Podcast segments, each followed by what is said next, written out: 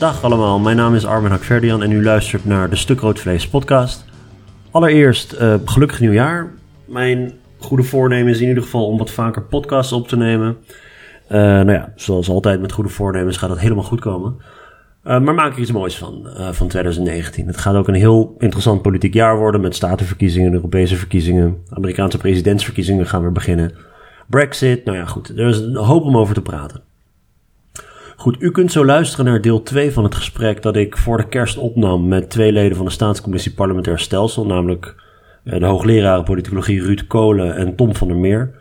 De Staatscommissie had als opdracht om te onderzoeken hoe toekomstbestendig het Nederlandse staatsbestel was en waar nodig aanbevelingen te doen om onze parlementaire democratie te versterken. Nou, ik had onze luisteraars gevraagd om vragen in te dienen voor Tom en Ruud en die vragen vormen dus de basis voor het gesprek. Ik zou zeker ook even deel 1 luisteren, waarin we spreken over het mandaat, de samenstelling en de werkwijze van de commissie. En verder uitgebreid ingaan op de positie van het parlement en de relatie tussen de Eerste en Tweede Kamer. We komen ook te spreken over het correctief bindend referendum en, uh, en de kiesdrempel. Goed, dit deel 2 gaat meer over verkiezingen. En dan met name over het plan van de staatscommissie om een gekozen formateur in te stellen. Uh, ik had zelf heel veel vragen over die gekozen formateur, omdat nou, in tegenstelling tot veel van de overige voorstellen, ik geen enkel land ken waar ze werken met een gekozen formateur. Dus het is echt een beetje een sprong in het diepe. Uh, we komen ook te spreken over de invoering van een constitutioneel hof. Uh, iets waar de staatscommissie nadrukkelijk voor pleit. Vergeet Stuk Rood Vlees niet te volgen via Twitter of, of Facebook. En laat ook even een leuke rating of een review achter in, in iTunes of waar u de podcast dan ook luistert. dat waardeer ik zeer. Veel plezier met Tom van der Meer en Ruud Kolen. Het volgende blokje gaat over kiesstelsel en verkiezingen. E-mail hier van Thijs Vos. Uh, graag zou ik de volgende vraag willen voordragen voor de podcast met leden van de staatscommissie. Kiezers zijn, in tegenstelling tot de tijd van de verzuiling, niet meer gebonden aan een enkele partij, maar kiezen uit een grotere keuzeset van ideologisch vergelijkbare partijen. Is het dan niet beter om een meerstemmenstelsel in te voeren, waarbij kiezers op meerdere partijen kunnen stemmen. Hoe spreek je Panachage. Panachage. Heeft de staatscommissie een dergelijk stelsel overwogen en wat zijn de redenen dat zij dit uh, heeft, heeft afgewezen? Een soortgelijke vraag kwam ook binnen van Leonie de Jonge via Twitter. Hoeveel persoonstemmen mag, mag de kiezer verdelen? Uh, mag dat op meer dan een lijst, meer dan één lijst? En uh, nou ja, een, een, een andere vraag waar we zo op, op terug zullen keren. Dus het idee dat je inderdaad volatiele kiezers hebt, die um, ja, eigenlijk bij, bij een groot aantal kiezers geldt dat ze zich kunnen vinden bij meer dan één partij, om inhoudelijke redenen. En um, waarom niet een systeem waarbij je je stemmen kunt verdelen over meerdere partijen? Dat is eigenlijk de vraag. Ja, om de vraag te beantwoorden, ja, die hebben we overwogen. Um, we hebben een, een, een gesprek gevoerd, ik heb hem al uh, genoemd met, met Henk van der Kolk van de Universiteit van Twente. Die is uh, een kiesstelsel-expert. Ja. En die heeft eigenlijk alle mogelijk denkbare kiesstelsels nog even een keer aan ons uitgelegd en, en voorgesteld en uitgelegd wat de gevolgen daarvan zijn. Uh, en daarin hebben, is, is deze ook aan bod gekomen, hebben die ook, ook afgewogen. En we hebben er zijn een aantal criteria bij, bij kiesstelsels die, die, die, die voor ons meespelen van hoe weeg je nou ja. uh, het kiesstelsel dat je hebt. Voor ons, de, met afstand de belangrijkste was die evenredigheid. Dat was echt, voor ons was dat echt de kern. En die panachage, dat is het systeem dat je meerdere stemmen hebt die je kan verdelen over individuen van verschillende partijen, uh, doet daar geen afbreuk aan. Dus dat even vooropgesteld. Ja. Um, maar de vraag is vervolgens, als je aanpassing doet aan ons huidige kiesstelsel, welke problemen lost het op? Ja. Vanuit systeemperspectief loste dat panachage niet per se een probleem op. Het zou wellicht een, een, een verfijning zijn voor mensen met oordelen over verschillende partijen heen. Maar het lost niet, per, niet direct een probleem op. Bovendien zitten er twee nadelen aan, mogelijke nadelen. Uh, het eerste nadeel um, is dat het complexer is. Ja. En complexiteit, nou, complexere systemen zijn, als de rest hetzelfde blijft, minder wenselijk. Ja. Nou is soms enige extra complexiteit wel nodig om het, het systeem überhaupt goed te laten werken. Nee, je moet het maar, wel het afwegen natuurlijk. Dat is hier de afweging, een, een belangrijke afweging. En het tweede is dat het systeem ook wel kan uitnodigen tot, tot uh, uh, strategisch gedrag. Het kan het wat meer uitlokken. Dat, Wat is daar mis mee? Nou, Wat voor soort strategisch gedrag? Het kan bijvoorbeeld strategisch gedrag uitlokken dat jij uh, alsnog al je stemmen bij één partijen neerzet. Dus je hebt vijf stemmen, maar je legt ze allemaal bij één partij neer. Hoewel eigenlijk je eigenlijke voorkeuren beter verdeeld zijn, is het strategisch om dat misschien dan weer niet te doen. En als verschillende groepen in de bevolking daar op verschillende wijze mee omgaan, creëer je dan alsnog weer een soort van nieuwe ongelijkheid. Ja, maar ik, ik, denk de complexiteit is denk ik voor de kiezer, en niet zozeer voor degene die het uiteindelijk uh, moeten uitrekenen. We mhm. hebben dat daar dat verschil ook gemaakt. Het mag, mag best complex zijn uh, voor de rekenaars van de kiesraad. Als het maar voor de kiezer overzichtelijk blijft. Ja. En dit is voor de kiezer toch niet dat was toch behoorlijk complex. En zeker in vergelijking met wat, wat uh, nu is, één stem. Er komt bij uh, dat, dat het proces om één stem uit te brengen, dat is ook een, een, soort burgerschapsproces, noem ik het maar even. Ik bedoel, er zijn zoveel mogelijkheden. Er zijn zoveel voorkeuren. En het feit dat je maar één stem hebt, dan moet je voor jezelf wel zeggen, alles afwegende, stem ik op die kandidaat of op die partij. Uh, en dat afwegingsproces, dat is, dat, is, dat is heel vormend ook voor burgers. Mm. Want politici moeten daar vervolgens nog weer stappen verder met tussen partijen. Maar, en dus dat, dat als je dat te veel zeg maar, mogelijkheid maakt om, uh, om, om over al verschillende partijen. Het heeft zijn voordelen ook, want dan kun je zeggen van, nou, dan, dan als mijn eerste voorkeur deze is, dan tweede voorkeur die, derde voorkeur die. Maar met, in combinatie met die complexiteit zeggen we, nou, dat moeten we misschien toch niet doen. Wat we wel doen, is het voorstel is, uh, we vervolgen grosso modo het voorstel van de burgervorm, uh, zo'n ruim tien jaar geleden ge, geformuleerd, maar met aanpassingen. En dan zeggen we van, uh, in plaats jij hebt nog steeds één stem bij het kiesstelsel, maar die breng je uit ofwel bovenaan de lijst. En dan zeg je, die lijst zoals door de partij opgesteld, vind ik prima. Mm. Ik heb geen commentaar op de lijstvolgorde. Ofwel je brengt je stem uit op een kandidaat. Zoals tot nu toe ook altijd al gebruikelijk was. Alleen nu gaan we die stemmen eh, die op de kandidaten zijn uitgebracht ook echt verdelen volgens wie de meeste stemmen heeft gehaald. Die krijgt de zetel van die kandidaten die op die lijst staan. En dat is dus, dus met de partijstem uit of een personenstem. Dan kan ik een stem, maar één, één stem. Ja. Uh, dat, en dat, dat, dat, daarmee proberen we te bereiken dat je enerzijds recht doet aan partijen die uh, hun best hebben gedaan om een, gebalanceerde lijst op te stellen. En anderzijds recht doet aan kiezers die wensen op een persoonlijke voorkeur hebben voor een bepaalde kandidaat. Ja. Uit een bepaalde regio, een vrouw, welke voorkeur ze ook hebben, die kun je het uitdrukken. En, maar die moet dan ook zwaarder tellen dan nu het geval is. Uh, en dat, dat is eigenlijk ons voorstel. Uh, en dat noemen we dan persoonsgebonden stem naast die partijstem in één systeem. Maar je hebt maar één stem. In dit kader trouwens, dat, dat, dat voorstel wat we doen, is dus een, een, een voorstel dat eigenlijk faciliteert dat burgers een regionale stem kunnen uitbrengen voor een regionale kandidaat. Of een, een, een stem op iemand vanwege zijn, zijn uh, geslacht of, of, mm, of uh, vanwege zijn migratieachtergrond. Um, maar is heel nadrukkelijk faciliteren. Waar, waar we als commissie niet voor hebben gekozen is, is een systeem met quota of een hard districtenstelsel. Er is van de week een, een artikel verschenen uh, in, ik geloof, de Volkskrant. Van Casper van den Berg en Bram van Vulpen uit, uit Groningen. En daaruit bleek enige teleurstelling dat de commissie niet ver genoeg zou zijn gegaan uh, om uh, regionale vertegenwoordiging te mhm. verbeteren. En, en helaas staat er niet in wat de commissie dan wel had moeten doen. Um, dus het was vooral de teleurstelling die eruit bleek. Maar daar hebben wij dus ook nadrukkelijk naar gekeken. Het was ook de vraag, uh, bijvoorbeeld vanuit het regeerakkoord werd ook die vraag nog een keer aan ons toegevoegd. We kijken ook even goed naar regionale elementen in het kiesstelsel. En waar we uiteindelijk voor hebben gekozen is nadrukkelijk, ja, we willen het faciliteren dat burgers die het belangrijk vinden regionaal kunnen stemmen. Maar wat we niet willen is alle burgers dwingen om langs een regionale lijn te stemmen. Want een heleboel burgers hebben die behoefte niet. Uh, uit Nationaal Kiesonderzoek. Meerderheid. twee derde van de, van, heeft, heeft die behoefte niet. Nee. Um, dus we Wat regionale identiteit in Nederland niet zo sterk zijn. Nou, dat, is, dat is er één. Um, bovendien, regionale identiteit is ook niet altijd even duidelijk. Mm. Um, Friesland is zwaar ondervertegenwoordigd in, eh, op, op de kandidatenlijsten van de afgelopen Tweede Kamerverkiezingen. Als je kijkt naar waar mensen wonen. Als je kijkt naar waar mensen geboren zijn, is Friesland juist zwaar oververtegenwoordigd. Veel Friesen die dan vervolgens verhuizen naar, uh, Amsterdam of de Randstad. ja. Randstad. Exact. Ja, en ja, waar moet je dan naar kijken in, in, in zo'n systeem? Wat, wat, wat, telt dan precies? We komen wel met verschillende handreikingen van als je nog iets verder die regionale identiteit wil faciliteren.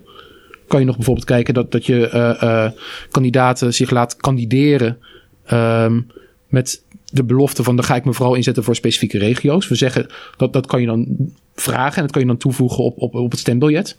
In plaats van wat er nu staat, woonplaats. Maar dat blijft allemaal binnen het domein van faciliteren. Zorg dat mensen die het willen, moet dat kunnen. Maar als andere mensen om andere redenen willen stemmen, uh, moet dat ook kunnen. Maar je moet het niet afdwingen dat maar één van deze elementen uh, verplicht wordt gesteld aan iedereen. Ja, dus voor de goede orde, de, de, het voorstel van de staatscommissie zou betekenen dat de, uh, uh, de volgorde van de lijst uiteindelijk wie in de, in de, in de Kamer wordt gekozen, dat dat eigenlijk niet, niet vaststaat. Dat, dat dat is afhankelijk van al die persoonsgebonden stemmen. Maar op een sterkere manier dan bijvoorbeeld nu met die voorkeurstemmen. Nou, het, het, het, nog iets preciezer. Je kunt ofwel op de partijstem, ofwel op de, op de persoon eh, stemmen. Van, je hebt één stem. Als je op de partijstem uitbrengt, dan zeg je: Ik keur de lijstvolgorde goed. Ja. Stel dat je een partij heeft recht op 10 zetels. En er zijn uh, eh, 60% ervan is op de partij uitgebracht. Dan gaan ook zes zetels. Die gaan naar de eerste zes van de lijst. Ja, ja, ja. Ja, en dan is 40% is dus op personen. En die gaan, die vier zetels, die gaan naar de persoon met de meeste stemmen. Ja, die nog niet op de lijst overkozen waren. Precies. En dan vraagt Leonie de Jonge, zijn persoonstemmen niet gewoon voordelig voor bekende mensen? Waaronder, uh, waardoor jonge en onbekende politici minder kans maken op een zetel? Ja, dat is zo. Maar daardoor hebben we ook dat gemengde systeem. Want we doen recht aan uh, partijen die, uh, die een bepaalde volgorde willen. Dat is, en, en, de ene partij houdt meer rekening met man-vrouw verhoudingen dan een andere partij. Of, met expertises of met regio. Dat is aan de partijen. het is natuurlijk altijd zo dat als je een persoon stemt, dat je ja, bekendere mensen die, die, die hebben een grotere kans om, op, op zo'n stem dan onbekende mensen. Maar daardoor heb je die invloed van de partij nog die een evenwichtig fractie kan samenstellen. Maar als je wil dat er bijvoorbeeld uh, uh, iemand regionaal bekend is. en daar wil je per se een stem op uitbrengen. dan kan dat en het gewicht daarvan wordt groter. Of, of op, een, op een vrouw of op iemand met een migratieachtergrond. Het gewicht wordt groter. Het is een combinatie van de twee. Ja. Verder met verkiezingen eigenlijk. Peter Luchtig via Twitter. Moeten verkiezingen vaker gelijktijdig plaatsvinden? En zo ja, welke? Ja, uh, kijk, de Tweede Kamer uh, is natuurlijk uh, verkiezingen. Die, die, die, de Tweede Kamer wordt voor vier jaar gekozen. Maar uh, kan natuurlijk, doordat het kabinet valt en er nieuwe verkiezingen worden uitgeschreven, gewoon soms al na een jaar of na twee jaar gebeuren. Mm. Dus dat ligt niet vast. De overige verkiezingen liggen de data wel vast. van, van de lokale ja. verkiezingen is altijd eens in de vier jaar, staten altijd eens in de vier jaar. Hetzelfde geldt voor de Europese verkiezingen. moet je die laten samenvallen. Uh, kijk, er is al één groot bezwaar wat je nu al hoort. Uh, bijvoorbeeld uh, bij de statenverkiezingen die eraan zitten te komen. Dan, omdat daar via de staten ook de Eerste Kamer wordt, wordt gekozen. Dat dan de nationale politiek te veel de regionale, provinciale politiek domineert. Ja, Als je het samenvoegt, denk ik dat dat effect nog sterker wordt. Dus ik, ik zie de grote voordelen er niet eigenlijk van om alle verkiezingen samen te voegen. We hebben al niet zoveel momenten voor de gewone burger om zich uit te spreken over de politiek. Wij stellen voor dat er ook nog een mogelijkheid voor een referendum bij komt. Maar dat is voor de rest niet. We hebben geen gekozen burgemeester. We hebben geen heleboel dingen niet. Nee. Waar er niet rechtstreeks invloed van. En als je dan ook nog de momenten op één dag doet, dan wordt het wel heel erg weinig. Dus ik, ik zie het voordeel niet echt uh, om, het, om het samen te voegen. En uh, bij de Tweede Kamer kun je dat niet plannen. Ja, je zegt volgens mij uit mijn hoofd, als je bijvoorbeeld de Europese. In sommige landen worden die Europese verkiezingen samengehouden met andere verkiezingen. Heb je een hogere opkomst. Bijvoorbeeld voor Europese verkiezingen. In Nederland zijn die altijd zo ontzettend laag. Maar dit is precies, dit is typisch zo'n, uh, dit is typisch zo'n, zo'n onderwerp waarbij je effect aan de ene kant hebt, effect aan de andere kant. En dan moet je een afweging maken. En... Stel dat je het volgend jaar heb je statenverkiezingen en Europese verkiezingen. Je kunt samen doen en dan kun je zeggen, dan gaat de opkomst met de Europese verkiezingen waarschijnlijk iets omhoog. Ja. Niet eens zo heel veel, want de staat met de staten, eh, eh, toch, maar toch. En dan, dan, dan, dan wordt dus de statenverkiezing ook nog eens door de Europese verkiezingsthematiek uh, beïnvloed. Dan, uh, dan gaat Frans Timmermans voluit bij de statenverkiezingen. Ja. Want ja, die vallen samen met de Europese verkiezingen. Is dat wenselijk?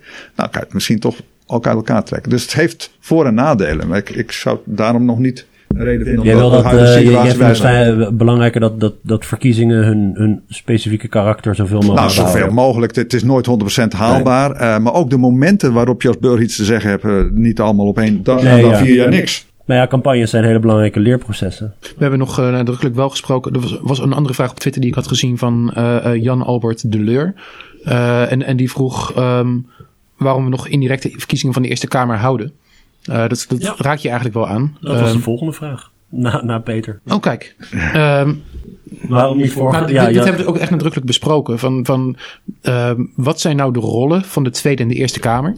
En wat zou het gevolg zijn als je de Eerste Kamer op een directe wijze gaat, gaat verkiezen? Uh, dat betekent namelijk dat je dan twee directe mandaten hebt. Ja. Dus dan heb je twee parlementen, een lagerhuis en een hogerhuis. Die hebben allebei een direct mandaat. En hoe kan je dan nog verantwoorden eigenlijk dat, dat de, de, de, de Eerste Kamer, die op sommige momenten dan recenter verkozen zal zijn, um, niet gaat domineren. Hoe, hoe, zorg je ervoor dat, dat, dat, een Eerste Kamer dan niet zegt van ja, wij zijn een betere afspiegeling van wat burgers nu echt vinden. De Tweede Kamer moet daar ondergeschikt zijn. Um, die door, door een indirecte verkiezing te houden, zou je dat element, dat, dat effect kunnen blijven temperen. Als je ervoor kiest om de Eerste Kamer direct te verkiezen, dan zou je ook moeten kunnen overwegen om twee gelijkwaardige kamers maar daar wordt het dubbel op. Hè. Dan wordt het, eh, de kans dat het een duplicaat wordt van de Tweede Kamer, wordt dan wel heel groot. Uh, we hebben ook overwogen om de uh, Eerste Kamer af te schaffen. Ik bedoel, die vraag is echt wel aan de orde gekomen. Uh, los van even de haalbaarheid, want je hebt twee derde meerderheid voor. Het zal niet zo makkelijk haalbaar. Maar we hebben gezegd nee. Er zijn ook inhoudelijke redenen voor om hem niet af te schaffen. Uh, vanwege die sterke binding van de Tweede Kamer meerderheid aan, aan, aan, via het regeerakkoord aan de regering. Is het goed dat er een andere Kamer nog eens kan heroverwegen. Die moet dan niet gebonden zijn. Maar die moet ook, die moet die, die, de primaat ligt bij de Tweede Kamer. Zodra je de verkiezingswijze op dezelfde manier doet als de Tweede Kamer, krijg je twee kamers met een legitimiteit, gelijke legitimiteit.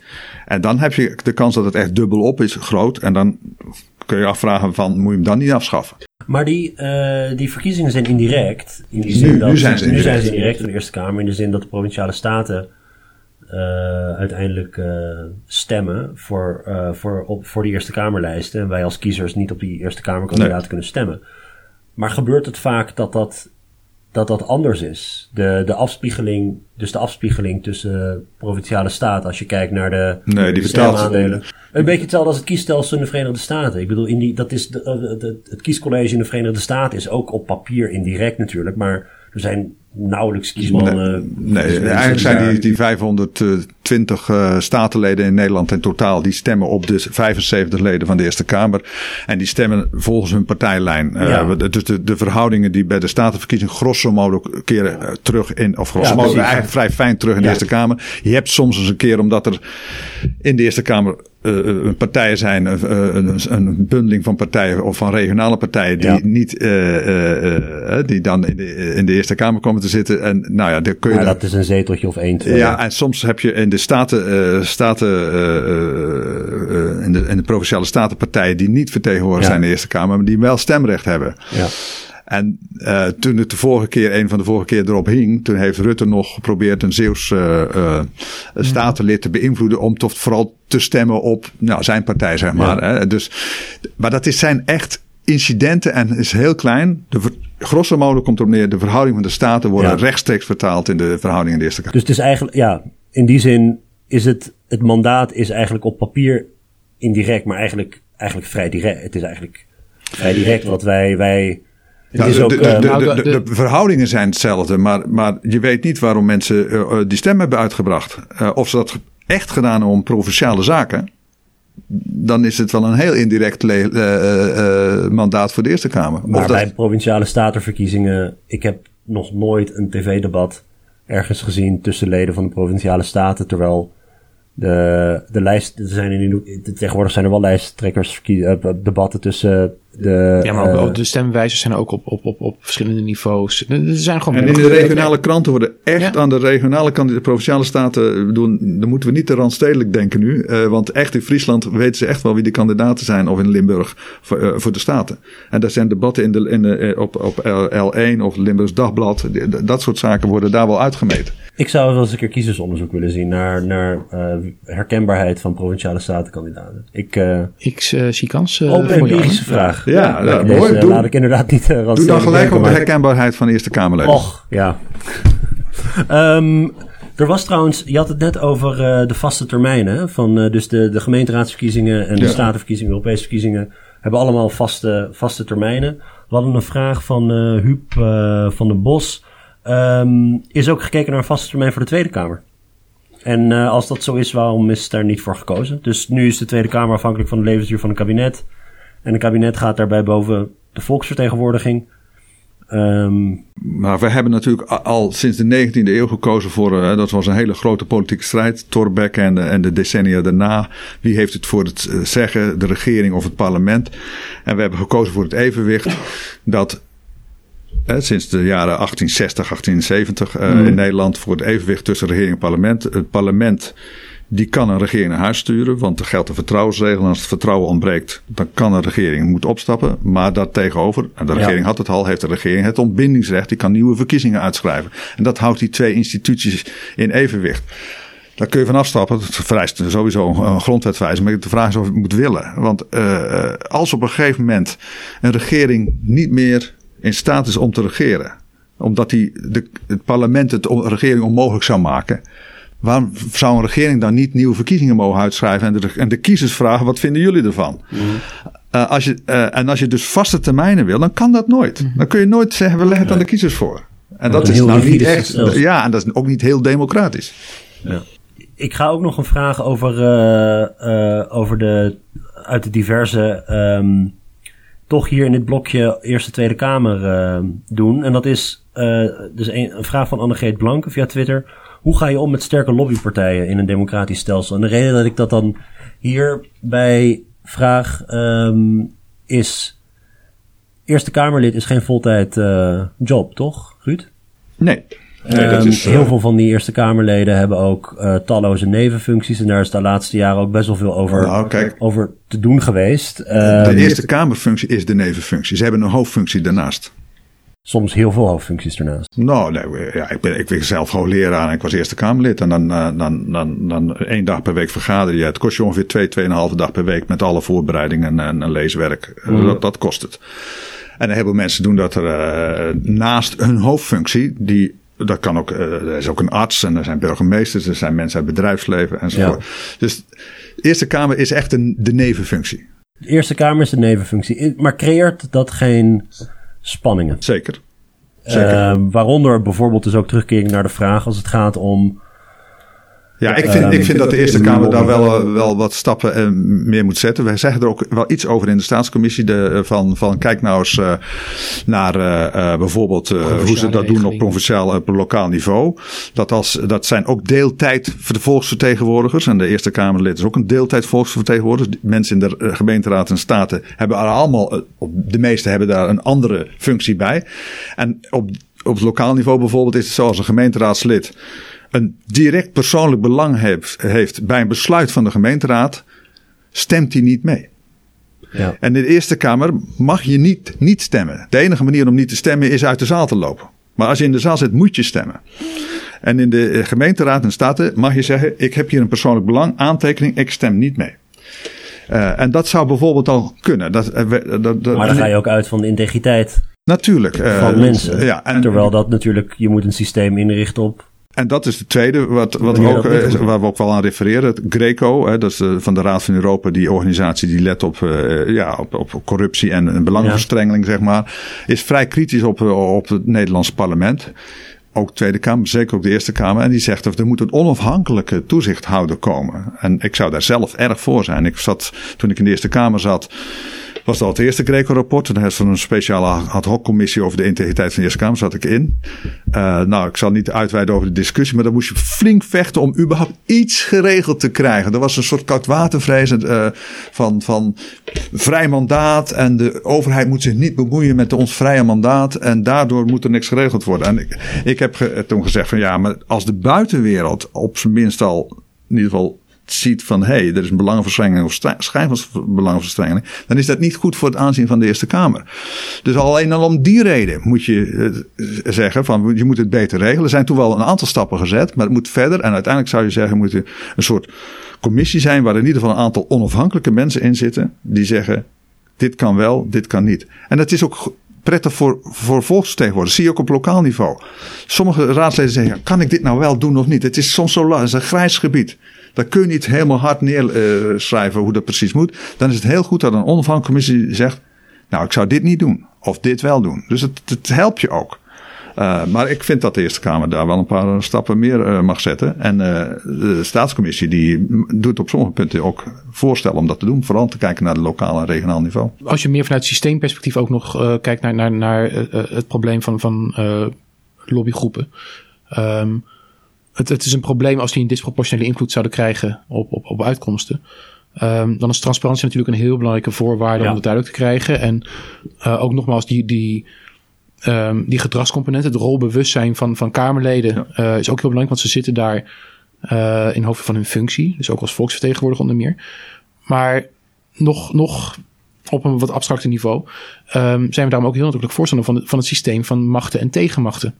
Um, we noemden net al bijvoorbeeld het, het referendum. Is een manier om uh, meerderheden die om wat voor reden ook zijn ontstaan in het parlement, waar nog een mandaat voor is uh, bedoeld af te geven vooraf, nog een, een, een soort van bijna een last van tevoren is gegeven, je moet zo gaan stemmen. Uh, als er toch meerderheden ontstaan in een parlement waar burgers zich echt niet in kunnen vinden, is er een manier om dat tegen te kunnen houden. Ja. de dividendbelasting of dat nou komt door één persoon die iets vond, of door, door lobbygroepen, of waardoor dan ook.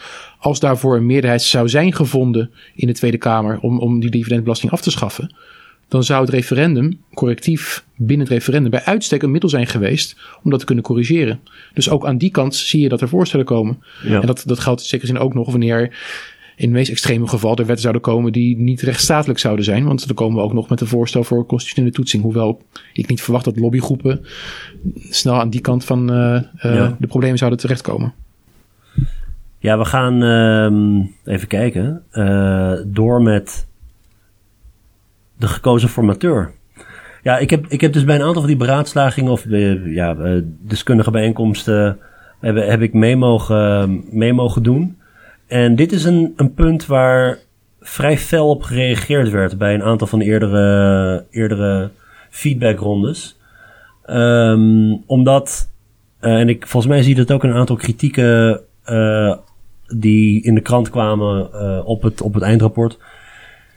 Heel veel mensen die associëren een gekozen formateur ofwel met een gekozen minister-president of zelfs met een presidentieel stelsel. of iets dat haaks zou staan op wat je in een parlementair stelsel zou willen. Uh, dus laten we daar gewoon even een aantal vragen over behandelen. En dan kunnen we, en dan kunnen we daar wat, wat ja, dieper op in. Dus mag ik misschien nog eens even hier als opening zeggen. Wat je, wat je net zegt. Ik, ik heb ook een aantal van die commentaren gelezen. Dat, dat het haak zou staan op ons systeem. Uh, ja. Of dat het, dat het zou leiden tot uh, Berlusconi die aan de macht zou komen in Nederland. zoals Hans Goslinga bijvoorbeeld heeft, heeft opgeschreven.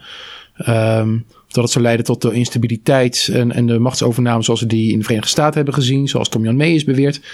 Ik denk dat het wel belangrijk is dat um, het, een gekozen formateur staat niet de haaks op het evenredige systeem. Het is wel misschien vreemd aan het systeem, van het is niet een natuurlijk element.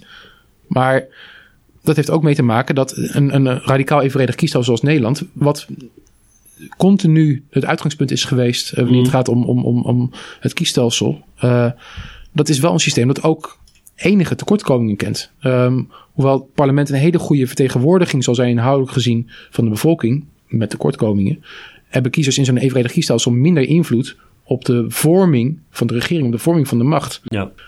Um, Jacob Koonstam heeft het wel eens uh, geformuleerd, mede uh, lid van de staatscommissie, van Nederlanders hebben heel veel invloed op uh, de controle op de macht, de Tweede Kamer, maar niet op het proces van de vorming van de macht. En een gekozen formateur die dat proces begeleidt, is daar een manier voor. Ja. Nou, het, heb, het, het, nou. Op geen enkele manier is dit bedoeld als, als, een, als een gekozen minister-president. Um, want dat, dat is dit systeem niet. Nee, ik heb. Um, uh, als, ik, als ik een beetje terugdenk aan uh, mijn lezing van Leibhard. En ook van uh, soortgelijke auteurs, Bingham Powell of uh, die, die, zetten het altijd heel erg in als je hebt verschillende logica's binnen zo'n. Binnen, binnen de democratie kun je de instituties zo organiseren dat je aan de ene kant de logica hebt van um, meerderheden creëren. Het kunstmatig meestal via het kiesstelsel. Maar dan weet je in ieder geval wel, dit wordt de regering. Uh, denk aan een first past the post systeem. Dus die logica, de meerderheidslogica. En aan de andere kant heb je de proportionele logica. Die uitgaat van stemmen op een partij afspiegeling in het parlement. En ja, dan heb je inderdaad geen, geen uh, invloed op wie de regering wordt. Of je weet, als kiezer in een proportioneel stelsel, weet je op de verkiezingsavond, weet jij hoe de Tweede Kamer eruit ziet. Maar je weet niet wie de regering wordt. En bij bijvoorbeeld in het Verenigd Koninkrijk weet je dat over het algemeen meteen. Je weet direct. Ja. Ehm, en het lijkt alsof jullie proberen om die twee stelsels te combineren. Um, dat denk ik niet. Je ziet, kijk, je ziet of de, enorme... de sterke punten van beide stelsels, namelijk identificeren en het kiezen van een regering. En aan de, tegelijkertijd een afspiegeling in het parlement. Dat je die probeert nou, ik zou dat niet, niet, zo willen zeggen. Uh, want het, we kiezen echt voor het, uh, voor het evenredige uh, stelsel. Dat is het uitgangspunt. Gegeven dat stelsel wil je kijken of je de invloed van de kiezer op de, de machtsvorming toch enigszins kunt vergroten. Maar dat is dus niet een combinatie van een meerderheids- of een presidentieel stelsel met een evenredigheidsstelsel. Het is een evenredigheidsstelsel en daarbinnen de kiezer wat meer invloed geven op de, op de, op de regeringsvorming. En wat ik zou willen zeggen, ook wat, op, op basis van de commentaren die zijn eh, gegeven van wij denken automatisch formateur is de nieuwe premier. Mm.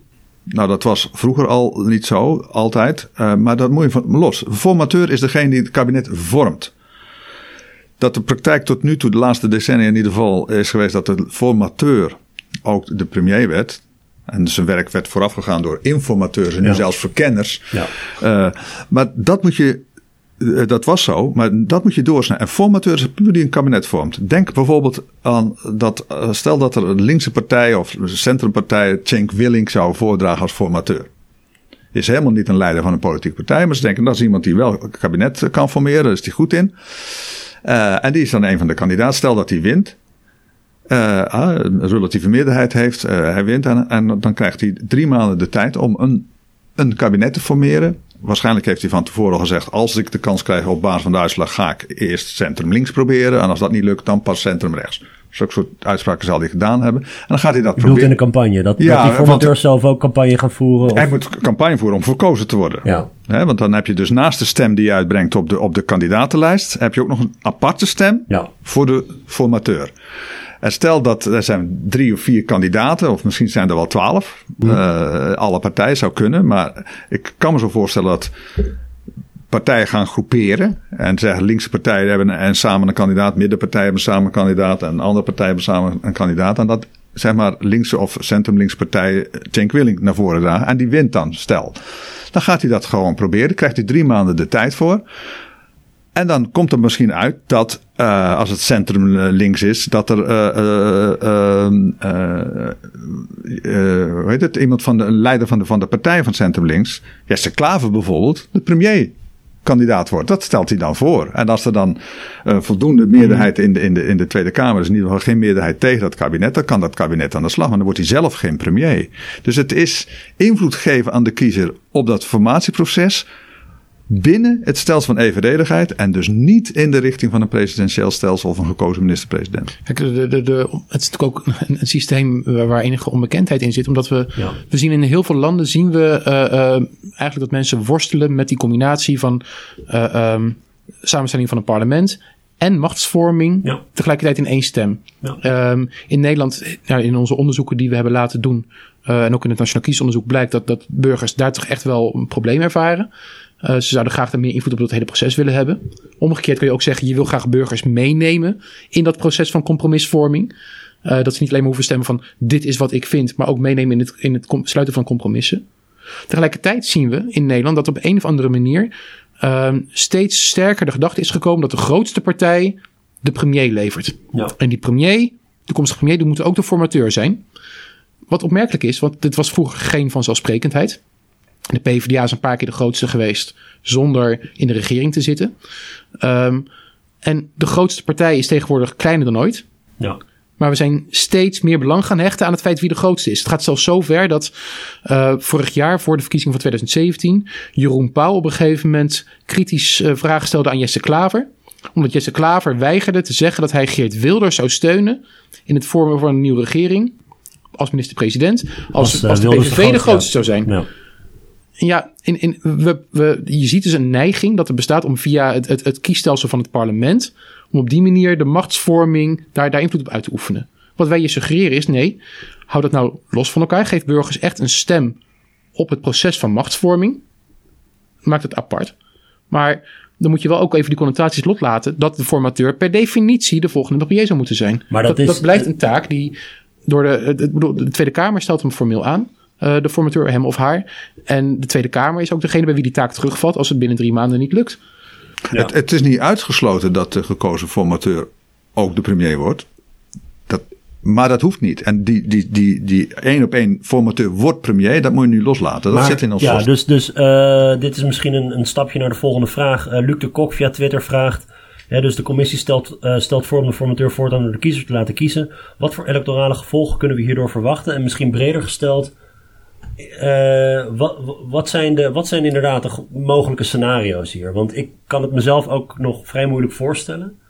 Uh, ik weet ook niet of er andere landen zijn die een dergelijk systeem hebben.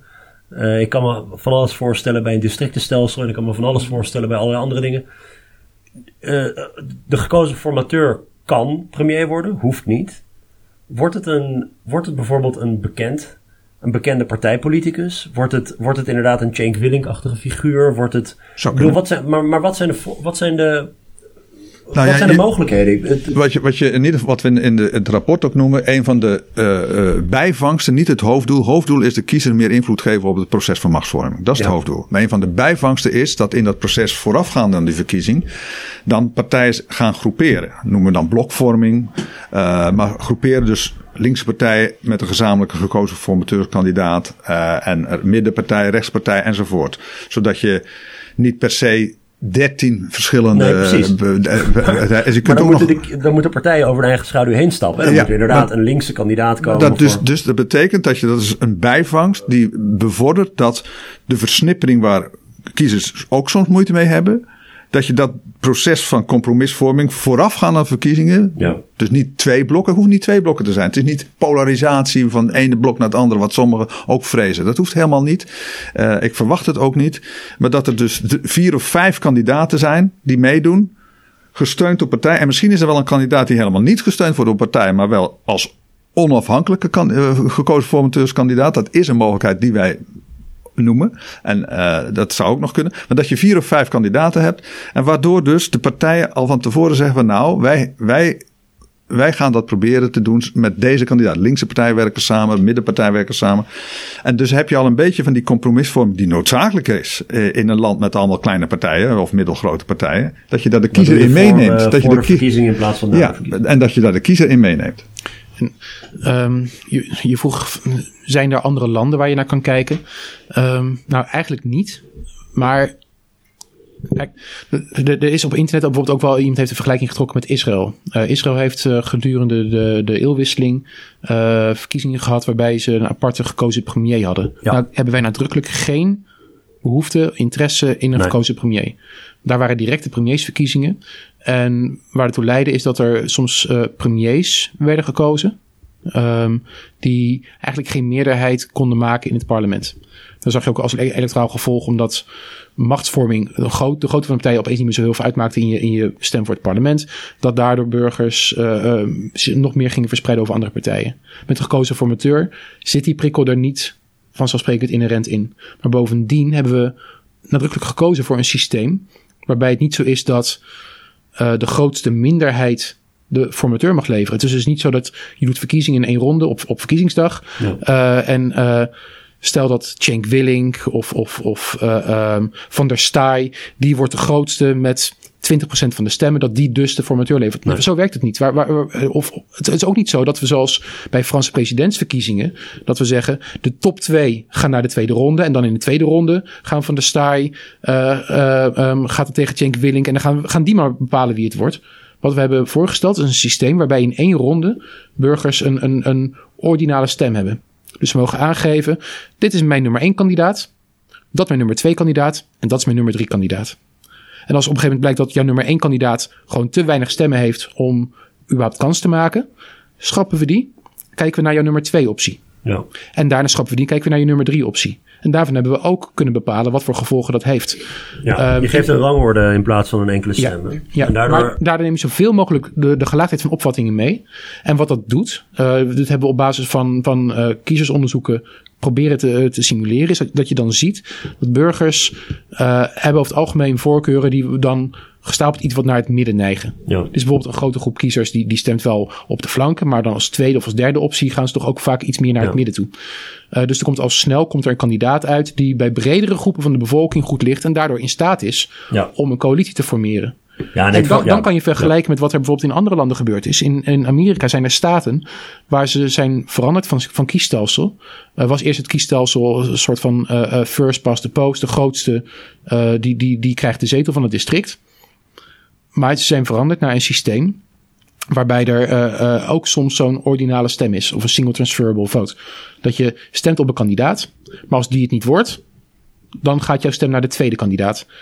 In het verleden in Amerika en in staten waar ze dat niet hebben, is het risico als de groenen meedoen, verliezen de democraten. Want dan wordt de, de links-liberale stem wordt verdeeld over twee partijen. En dan gaan de republikeinen als derde mee mee. eh, Met, met, eh, met de winst mee. Eh, omgekeerd, als een libertarische partij meedoet, dan Ja. komen de republikeinen in de problemen. Wat er daar gebeurd is, is de groene kandidaat zegt stem op mij. Maar als twee, schrijf dan de democraat op. Ja. En dan zie je dus ook dat er zo'n communicatie tussen partijen ontstaat. Waardoor er iets meer van zo'n blokvorming eigenlijk al inherent in zit. ja, het wordt Dus minder dat- alles of niets. Ja, en, en dat, Dat dat, eh, dat, gevolg, dat, dat, dat hebben we dus proberen in te bouwen in, het, in, in, in de details van het voorstel dat we doen. Ja, en eh, die, eh, dus, dus je had het net over die, die afweging als je een kiesstelsel ehm, ontwerpt. Het moet aan de ene kant, moet het, het, mag, het mag complex zijn voor de kiesraad, maar het moet voor burgers moet het te begrijpen zijn. Deze rangorde ehm, eh, manier van stemmen, die single transferable vote, dat wordt in zoveel landen gedaan. Dat kunnen we Ja, het is iets complexer dan het iets de ene dan- stem die je hebt voor de, voor de parlement. Maar de- hier zeggen we, je hoeft ook niet alle kandidaten te nummeren. Als er twaalf zouden zijn, hoeft niet alle twaalf. twaalf want je zegt dus 1, 2, 3. Want dat een van de redenen daarvoor is, je kent ze waarschijnlijk niet allemaal. En je, je kent er een stuk of vijf. Als er zoveel zouden zijn. En daarvan zeg je, dit, zijn, dit is mijn top drie. Ja. En dat kan ertoe leiden dat degene die uiteindelijk dan wint, dat niet wint met een absolute meerderheid. Dat kan. Kans is niet heel groot. Niet maar het groot, kan. maar het kan. Maar dan vinden we, het is ook niet iemand die de premier wordt, want dat snijden we door. Het is gewoon iemand die het kabinet moet vormen met een redelijke meerderheid. Mm. Misschien een absolute, maar zeker een redelijke relatieve meerderheid. Gesteund met brede steun vanuit, vanuit de kiezers. Nou, dan heeft hij een behoorlijk mandaat. Eh, en dan moet hij aan de slag. Ja. en als het niet lukt binnen drie maanden.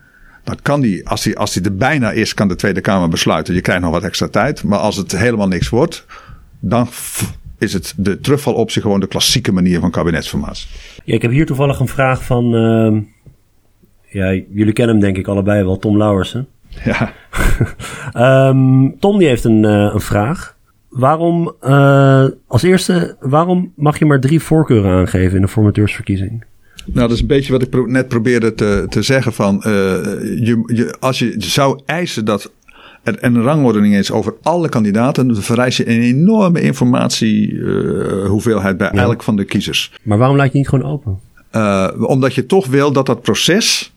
Wat, wat, wat, wat net beschreven is, van je hebt, dat je stemmen niet verloren gaan. Dus als, je, als, je, als jouw geprefereerde kandidaat het niet haalt, dat de kans dat, dat jouw stem toch meetelt, maar dan via je tweede kandidaat, dat die behoorlijk groot is. Als je alleen maar. Als je, als, je, als, je, als, je, als je alle kandidaten hebt, heb je of een informatieprobleem. En als je alleen maar één stem doet, en dan gaat je stem wellicht verloren als je op een, een, een kandidaat stemt met relatief weinig voorkeuren. Maar en, en dus, dus hebben we, het is ergens drie, had ook vier kunnen zijn. Het is een beetje arbitrair. Maar het we, lijkt me hebben, dat die... maar we hebben via simulaties hebben we gewoon gekeken van wat werkt. Uh, ook hiervoor geldt weer, je wil een systeem hebben dat zo simpel is als kan. Terwijl het wel de effecten Ja. creëert waar, uh, die, die je verwacht en die je hoopt, die, die wensbaar, wenselijk zijn. Uh, ja, hier hebben we ook gewoon zitten kijken van vanaf welk moment is het uh, gaan, gaan kandidaten met gaan kandidaten die in de laatste rekenronde, het is dus geen fysieke ronde, maar een soort van een laatste tussenstap, gaan die rond die absolute meerderheid kunnen komen. Ja. En dan merken we dat bij de laatste drie verkiezingen, via kiezersonderzoekdata, dat het niet onwaarschijnlijk is uh, dat het al met uh, drie stemmen het geval is. Want het, op voorhand had ik gedacht, uh, als je zo'n rangorde uh, methode hanteert, uh, dat de kracht van het, het de kracht van die rangorderstelsels is altijd, um, ja, wat jullie net al zeiden, oké, mijn eerste keus wint het niet, maar in ieder geval mijn tweede keus. Maar dan moet die tweede keuze wel enigszins belangrijk zijn voor je. Als het de tweede is van de drie, ja, dan kun je alsnog een beetje teleurgesteld zijn als het de tweede is van de vijf. En ik heb, Ik heb er vijf heb ik er gerankt. Mijn eerste wordt het niet. Oké, in ieder geval de tweede. Dan lijkt het alsof dat minder uh, zwart-wit is dan wanneer je er maar drie moet verdelen. Maar wat zou er gewoon op tegen... Dus ja, als je, als je het gewoon totaal open zou laten... en mensen die zouden bijvoorbeeld vijf of zes of zeven... en sommigen misschien maar twee... Is dat te veel gedoe voor wat het oplevert? Is, is wat je zegt? Of? Ja, ik denk dat uh, um, je wil mensen ook niet frustreren. Als mensen moeten niet alleen geïnformeerde opvatting hebben over al die uh, verschillende kandidaten, kandidaatformateurs, maar ze moeten ze ook nog eens een keer kunnen ordenen. Uh, van, van het niveau, ik heb liever. Ik heb liever die dan die. Ik heb liever Wouter Bos dan Femke Halsema. Ja. En dat dan weer liever dan. Um, Poeh, uh, André Rauwvoet was het geloof ik toen de tijd. Uh, en dat dan weer liever dan, dan Jan-Peter Balkenende. En die heb ik dan weer eigenlijk boven ja. uh, Mark Rutte. Je vraagt een enorme gelaagdheid van informatie.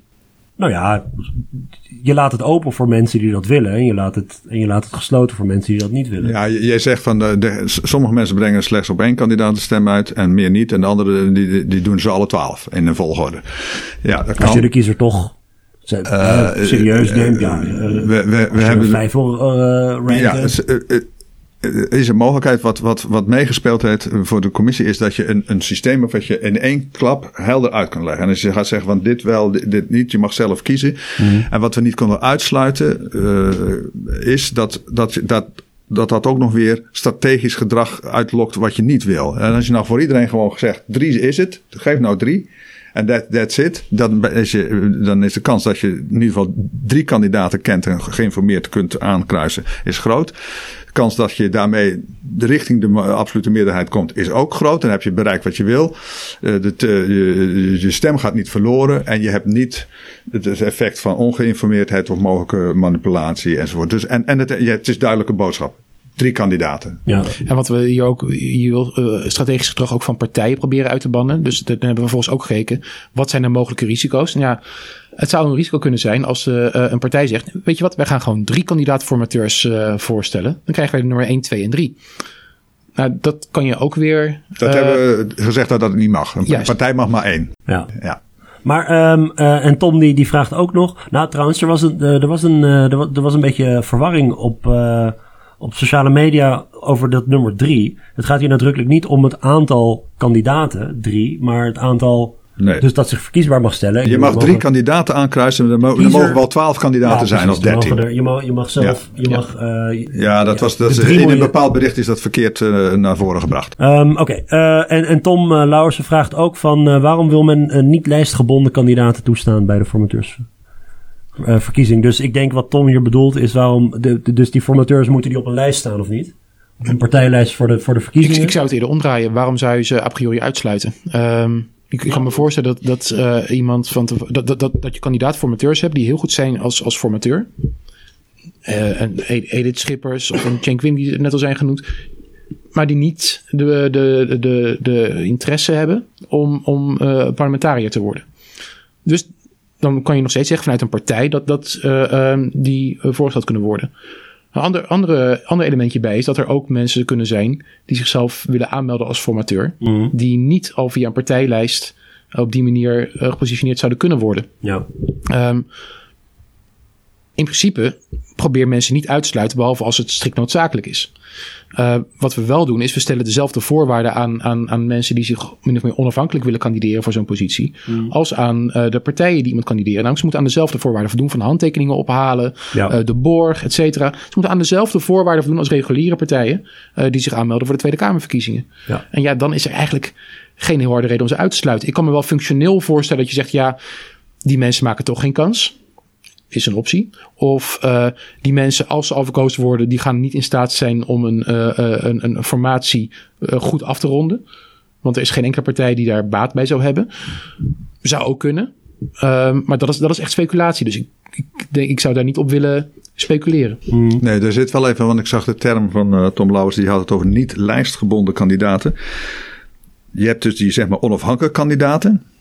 Je hebt kandidaten die door de partij naar voren worden geschoven, maar op geen enkele partijlijst mhm. staat. dat, dat bedoel ik net met Cenk ja. Willink. En je hebt dat de kandidaat die op partij, bijvoorbeeld uh, uh, Rutte als nummer 1 van de VVD, wordt ook als kandidaat voor de formateur. Dus je hebt drie typen eigenlijk. En niet lijstgebonden is, die, is zeg maar de onafhankelijke, zeg maar, maar ook een Cenk Willing die niet op een kandidatenlijst staat. Ja. En dat, dat laatste is, ik gebruik maar steeds het voorbeeld van Cenk Willing, want hij is bekend. Maar dat is, dat is ook van belang om te laten zien dat het kiezen van een formateur echt iets anders is dan het kiezen van een politicus die het gaat worden, een, een, een toekomstig premier. Ja. Dat, dat laat je ook zien. En daarom is die mogelijkheid van dat hij niet op een kandidatenlijst kan staan. Uh, dat is nadrukkelijk erin gezet. Want als je zegt hij moet op een kandidatenlijst staan. Dus uh, hij komt in ieder geval altijd in de Kamer. Ja. Uh, dan wordt het al ja te dichtbij zeg maar, nou ja, een, een, kiezen van een minister-president. Ik vraag me heel erg af hoe partijen hiermee zouden omgaan, inderdaad. Of ze, of ze, niet, of, of ze niet gewoon zouden zeggen: ja, maar als, als wij deze verkiezingen het goed doen, dan onze lijsttrekker moet natuurlijk dan ja, dat mogen formatie uh, gaan, gaan leiden. Het, maar misschien ook, um, laatste vraag hierover komt van Meindert Hogerkamp um, via de e-mail. Uh, ik vrees dat de gekozen formateur in de praktijk toch leidt tot schijnbare presidentsverkiezingen, wat haak staat op ons parlementair stelsel. Bovendien zal dit het horseframe in de media versterken, wat om meerdere redenen onwenselijk is, onder andere voor stabiliteit en pluriformiteit van de Tweede Kamer. Dus ja, dat, eerste, dat eerste deel van de vraag over het presidentiële stelsel, en dat, dat, dat hebben we net al behandeld, maar het, het is wel een bepaalde vorm van personalisering van de politiek. Um, met allerlei bijbehorende. Maar er is niks mis met personalisering van de politiek op zich. Mensen, er is ook gewoon een behoefte om te stemmen op, op, op personen vervolgens in wie mensen vertrouwen hebben. Alleen we moeten kijken waar je dat vormgeeft en hoe je dat vormgeeft. Nu gebeurt het ook al, hè? Voor alle duidelijkheid. Heel veel van de uh, uh, verkiezingscampagne, zeker in 2017, draaide om de vraag: wie is de beste leider? Uh, het ging uh, heel vaak om, om, om leiderschapskwaliteit. Met name Buma, uh, ja, Klaver, Pechtold en Rutte. En zo. Ja, je, je, hebt letterlijk premiersdebatten. Terwijl we in Nederland op geen enkele manier een premier verkiezen. Nee. Um, wat dit eigenlijk doet, is kan je bijna zeggen, is dan bijna de, een, een, een zuivere vorm van... haal die elementen uit elkaar. Kies nog steeds geen premier, maar wel een, een, een, een, een element op de vorming van de macht. Um, en zou daarbij horse race uh, een, een rol kunnen spelen? Ja en nee. Je zou kunnen zeggen van ja, maar nogmaals, de, de verkiezingswijze die wij voorstellen gaat over een zo breed mogelijk gedragen kandidaat. Niet over de grootste minderheid. Dus de huidige horse race frame is hoe gaat uh, um, de VVD 31 zetels halen en de PvdA 30? Beetje 2010 verhaal. Of, ja, ja. of um, wie, wie wordt er groter, de PvdA of de VVD 1998? Ja, dat gaat de hele tijd over wie haalt net het ene zeteltje meer. Ja. En heeft daarmee blijkbaar, want dat is de cultuur geworden, een doorslaggevende rol in wie de volgende premier mag leveren. Wat wij voorstellen is nou juist, nee, ga naar een systeem, een, een verkiezingswijze, waarbij je een zo breed mogelijk gedragen kandidaat hebt. Ja. Dat is niet een horse race frame, dat is nou juist inclusiviteit en compromis. Ja, ik ben heel erg benieuwd hoe dat in de praktijk gaat uitpakken. Ook omdat je dus eigenlijk, dit, dit wordt de enige persoon in ons, in ons politieke stelsel met een direct mandaat van het electoraat eigenlijk. Um, en, en of je dus inderdaad dus bijvoorbeeld hoe, zo'n, hoe, een, hoe een formateurscampagne eruit komt te zien. Wat, wat de onderwerpen zijn waarop een formateur bijvoorbeeld. Uh, ja. Nou, ik, ik ook wel. Maar er is natuurlijk wel over nagedacht wat het zou kunnen zijn. Uh, kijk, als het een, een kandidaat-formateur is die ook tevens lijsttrekker is van een partij, dan zal die dat veel politieker brengen in zijn, in, in zijn discussie, want dat, dat is hij dan beide. Dan iemand, ik noem maar weer Cenk Willing, die weliswaar namens partij, maar niet op de lijsten van de partij staat. En die zal dan zeggen van, ik uh, wel een voorkeur van, als de uitslag het toestaat, en die voorbehoud moet je altijd maken, zal ik eerst een centrum-links coalitie proberen bijvoorbeeld. En ik zal, en dan zeg je, is dat alles? Nee, en ik vind wel, uh, gegeven ook wat er in de verkiezingsprogramma staat, denk ik toch dat we in ieder geval moeten zorgen dat er uh, akkoord komt op de klimaattransitie, een bepaalde hoofdonderwerpen, zonder te zeggen waar die zelf staan, maar zeggen dat wil ik dan wel geregeld hebben, want ik voorzie dat de komende tijd dat het de discussies zijn. Dus dat moeten we ieder geval op hoofdpunten moeten we akkoord hebben. Die wil ik, dat wil ik in ieder geval aan de orde stellen tijdens mijn formatie. Nou, dan heb je dat, op die manier, en naast natuurlijk het gezag van de persoon dat ook meespeelt, heb je toch wel een keuze als kiezer van nou, dat is het gezag van de persoon, heeft die richting, die heeft die thema's, vindt hij belangrijk om in ieder geval aan de orde te stellen. En nou, die vertrouwen, je kiest eigenlijk een soort vertrouwenspersoon om de formatie te leiden. En dat kan soms zijn dat het ook een politiek leider is, maar dat hoeft niet per se. En, en tegen... Maar het is, het, is, het is niet, als je zegt van het is inderdaad sprong in, in, in, in het diepe. Ja, het is nieuw, dus ik kan ook niet eh, garanderen dat het altijd zo gaat. Maar ja, ik denk als je echt serieus uh, werk wil maken van iets meer invloed op van de kiezer op die regeringsvorming, dan denk ik dat je ervoor open moet, moet staan om dat zo, uh, te, te, proberen. En ik denk dat er ook een goede kans is dat het slaagt. Ja, en als het uiteindelijk mislukt, dan, is, dan is, zal het geen tweede keer meer gebeuren. Maar ik heb er wel vertrouwen in dat dat toch iets kan bereiken en ook aan de cultuur van, kan veranderen. Ja. Die blokvorming, dat openstellen in dat proces, dat is denk ik heel. Ja, misschien daarover. Dus als het, als het, als het misgaat, en niet mis in de zin het experiment met de gekozen formateur, maar als zo'n gekozen formateur er niet in slaagt om een regering te vormen, dan gaat het terug naar de Tweede Kamer en dan krijg je het systeem wat nu ja. eigenlijk uh, ja. uh, wat, wat nu geldt. Ja. een, van de, een van de redenen waarom dat die, die wet raadgevend referendum en de manier waarop de politieke, ja, in ieder geval de gevestigde politieke partijen daarmee zijn omgegaan. Je vraagt burgers om inspraak, vervolgens komt er inspraak en je doet er niet of nauwelijks iets mee. Dat was altijd een van de redenen waarom ja, jij een beetje. Uh, of de manier waarop, waarop politici omgingen met, dat, met, het, met, met de inspraak. Dat dat juist slecht zou zijn voor politiek vertrouwen. Namelijk, je vraagt mensen om iets. Oké, dat is prima. Maar dan moet je er ook voor zorgen dat het waarde heeft. Heb je geen zorgen dat dit met die gekozen formateur ook die kant op zou kunnen gaan in het geval van. Hier is een, hier een formateur door de kiezers gekozen. Enige persoon met een direct mandaat van het hele electoraat. En um, nou ja, uiteindelijk komt het toch weer bij de Tweede Kamer uit. Waarom hebben we dan gestemd hierop? Ja, de, um, er zitten. Um... Ik weet niet hoe waarschijnlijk het is dat het mislukt hoor, die opdracht van hem dan. Want, want ja, niemand, niemand heeft een. Nou, er, zitten twee kanten, bol, maar... er, er, zitten twee kanten aan. Dus enerzijds is, het, uh, uh, is er een prikkel in het systeem dan, zoals we dat voorstellen, dat dat niet zo heel snel zou gaan gebeuren. Uh, vanwege het feit dat, dat een breed gedragen kandidaat uiteindelijk de, de formateur zal worden, kan je er eerder van uitgaan dat, dat die persoon ook een kans wordt gegund. Het zou ook als een boemerang op de Tweede Kamer zelf terugkomen, wanneer dat niet snel het geval zal zijn.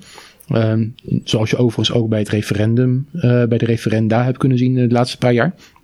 Maar daarnaast, we hebben ook expliciet aangegeven, zowel in het rapport als uh, bij de aanbieding van het rapport, dat een heleboel van de voorstellen die we doen wanneer ze gaan om de institutionele kant, dat die alleen maar werken wanneer er een bereidheid is, een welwillendheid is vanuit politieke partijen, um, om dit ook een kans te geven. Mm. Dat geldt niet alleen voor het feit of het überhaupt wordt ingevoerd, maar ook als het wordt ingevoerd, om het dan die kans te geven. Als die bereidheid er niet bestaat, heeft het geen zin. Ja. Ik ben in die zin heel erg fan van, van wat uh, uh, Karl Popper ooit schreef.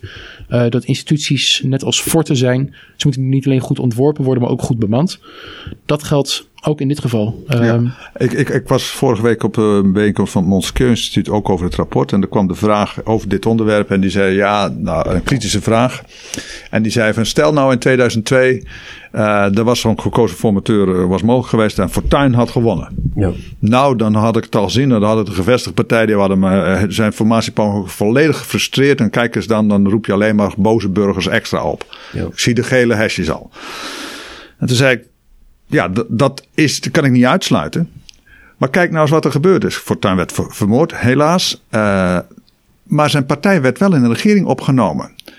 Dus lang niet alle gevestigde partijen zeiden, met zo'n partij die zo uit het niets op 26 zetels komt, uh, die gaan we maar eens even negeren. Dus het idee dat dat dus altijd zal mislukken en dat de gevestigde partijen dat niet zullen doen. Als, als een kandidaat formateur gekozen is met een breed mandaat, mm. waarom zou je dat niet serieus nemen?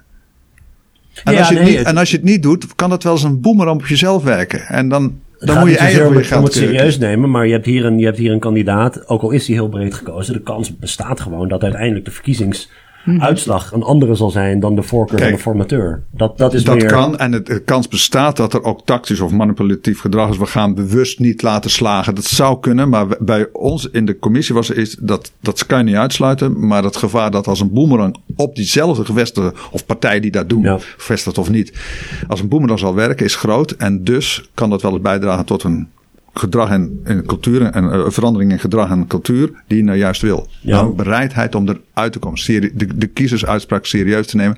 En het kan dus zijn dat, dat een Jake Willing als die gekozen is en die heeft gezegd, ik ga eerst over centrum links met die en die thema's. En die, heeft, en die zegt in zijn rapportage, maar we pleiten ook voor hele grote openheid van het proces. Ja. Uh, en die laat in zijn rapportage, ik heb gedaan wat ik heb beloofd, maar het is me niet gelukt, omdat ja, de verhoudingen zijn zo dat, uh, dat, dat, dat, dat, er geen meerderheid is voor de, de die ik op wilde. Dan, als dat net netjes gebeurt, dan is dat niet frustrerend voor de kiezers. Als die echt bewust man, weggemanipuleerd zou zijn, dan werkt het als een boemerang. Dus ik heb wel vertrouwen in dat dat toch wel kan werken. Ik, ik, ik raakte van de week ook uh, in, in, in uh, een debat hierover op, op, op, op Twitter inderdaad. Uh, waar ook Fortuyn werd voorgesteld als... ja, maar als Fortuyn nu niet vermoord was... en hij had zo'n zo'n formateursverkiezing gewonnen, wat dan? Um, daar, van ah, dan, dan is er een buitenstaande. Ik, ik verwacht wel een zekere vorm van welwillendheid, juist omdat zo'n persoon dan breed gedragen verkozen moet zijn. En wat nou ook nog eens keer door elkaar heen loopt, um, de LPF, op het moment dat Pim Fortuyn vermoord werd, stond niet als grootste partij uh, in de peilingen. Uh, het kan zijn dat hij was doorgegroeid, het kan ook net zo goed zijn van niet. Maar die formateursverkiezingen gaan nogmaals niet over de grootste minderheid. Het gaat om de meest breed gedragen kandidaat. Ja. En dan zal er polariserende kandidaten die, die, die zijn in het nadeel. Je noemt het Paul de Leeuw effect. Je kan uh, populair zijn onder een bepaalde groep en impopulair zijn onder een andere groep. Ja, zo iemand wordt niet zo heel erg snel dan verkozen. Want je, je zal vaak een breed gedragen kandidaat moeten zijn. Ja. Een andere discussie overigens die toen werd opgeworpen was van ja, maar stel nou dat uh, Bastien en Adriaan en, en Gordon en Gerard Joning zich kandidaat stellen, dan worden dat uh, opeens de formateurs. Gezellige formatie. Ja, nou, nee, maar dat je, je, krijgt dan nog gewoon nu al kunnen al die mensen zich kandidaat stellen. Er moeten ook wel 1200 handtekeningen van mensen die dat zetten op gemeentehuizen. Eh, en moeten een, een waarborgsom. En dan moeten de kiezers daar ook nog. Nou, uh, ik, moet, wil maar zeggen, de kiezers zijn niet altijd zo gek, Tom. Dat weet je beter dan ik. Goeie titel voor een boek. um, even kijken. Misschien een laatste blokje. Want dat is niet het minste onderwerp. Constitutioneel Hof.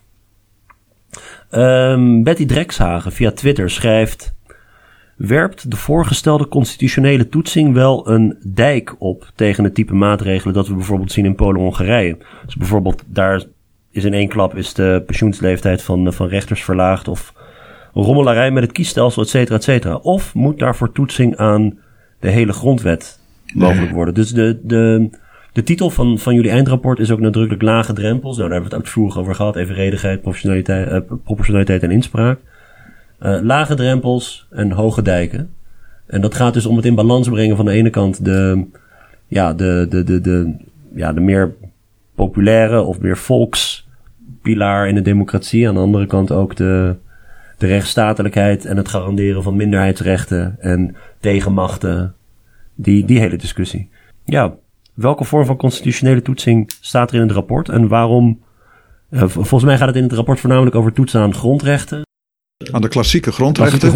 In, in, in de grondwet dus. Uh, de, een rechter in Nederland mag volgens de grondwet nu niet toetsen ja. aan de grondwet op deze uh, punten. Mag wel toetsen aan internationale verdragen. maar die gaan soms wat minder ver in de bescherming van de grondrechten. En dus is gezegd van nou, toetsen aan de grondrechten, klassieke grondrechten in, in de grondwet, dat is nuttig als een, zeg maar, een extra veiligheidsventiel. Net zoals aan de, aan de, aan de ene kant uh, het referendum een soort veiligheidsventiel is. Uh, is dit aan de andere kant een veiligheidsventiel. Je hoopt dat de parlementaire democratie zo functioneert dat beide eigenlijk niet nodig zijn. Maar als het nodig is, zijn ze er. En juist omdat ze er zijn, zal dus ook minder snel nodig zijn. Dat, dat, dat hoop je. En, en bij het constitutionele hof is dan toetsing uh, door een speciale rechter, een constitutioneel hof. Niet alle rechters. Uh, uh, als er een zaak voorkomt waarbij een klassiek grondrecht in het geding is en een burger stapt naar een rechter, dan moet die rechter een vraag stellen aan dat speciale hof, een prejudiciële vraag. En dat hof beantwoordt dan die vraag en die is er dan ook op gespecialiseerd. daarbij blijft, want het is toch nogal wat om een door de politiek, door de wetgever aangenomen wet in dat concrete geval buiten toepassing te verklaren. Voordat je het weet zit die rechter op de stoel van de politiek. Ja. Dus de gewone rechter wordt daarbij niet uh, in die uh, positie gebracht. Die komt niet in de stoel van de politiek te staan. Dat is een speciale rechter die op een speciale manier wordt uh, aangesteld. En wij verwachten eigenlijk als staatscommissie dat dat hoogst zelden zal gebeuren. Misschien twee, drie, vijf keer per jaar zal dat misschien, misschien eens gebeuren. Maar om, om het, omdat het bestaat, hopen we dat het effecten heeft op de parlementaire democratie, zodat die ook goed rekening houdt met rechtsstatelijke aspecten, grondrechten, rechten van minderheden. En ja, als dat goed geregeld is in een wet, dan hoeft dat hof nooit in, in, in actie te komen. Maar we verwachten dat het een paar keer per jaar zal gebeuren. En als dat hof er dan toch is, om die reden, dan kan die ook andere zaken nog voor zijn rekening nemen. En dat schrijven we ook in het boek bijvoorbeeld. Uh, nu is het zo, als, het, als er een, een, partijverbod, dat is nu al mogelijk. Volgens de, de huidige wetgeving staat gewoon in burgerlijk wetboek, uh, artikel 22. Uh, dat wordt er nu door een gewone rechter gedaan. Dan zeggen, nou, als je dan toch een constitutioneel hof, om die andere reden hebt, laat dan dat constitutionele hof zich ook bezighouden met dat soort zwaar constitutionele vragen als een, moet een partij verboden worden of niet. We stellen dus niet voor dat er een partijverbod komt.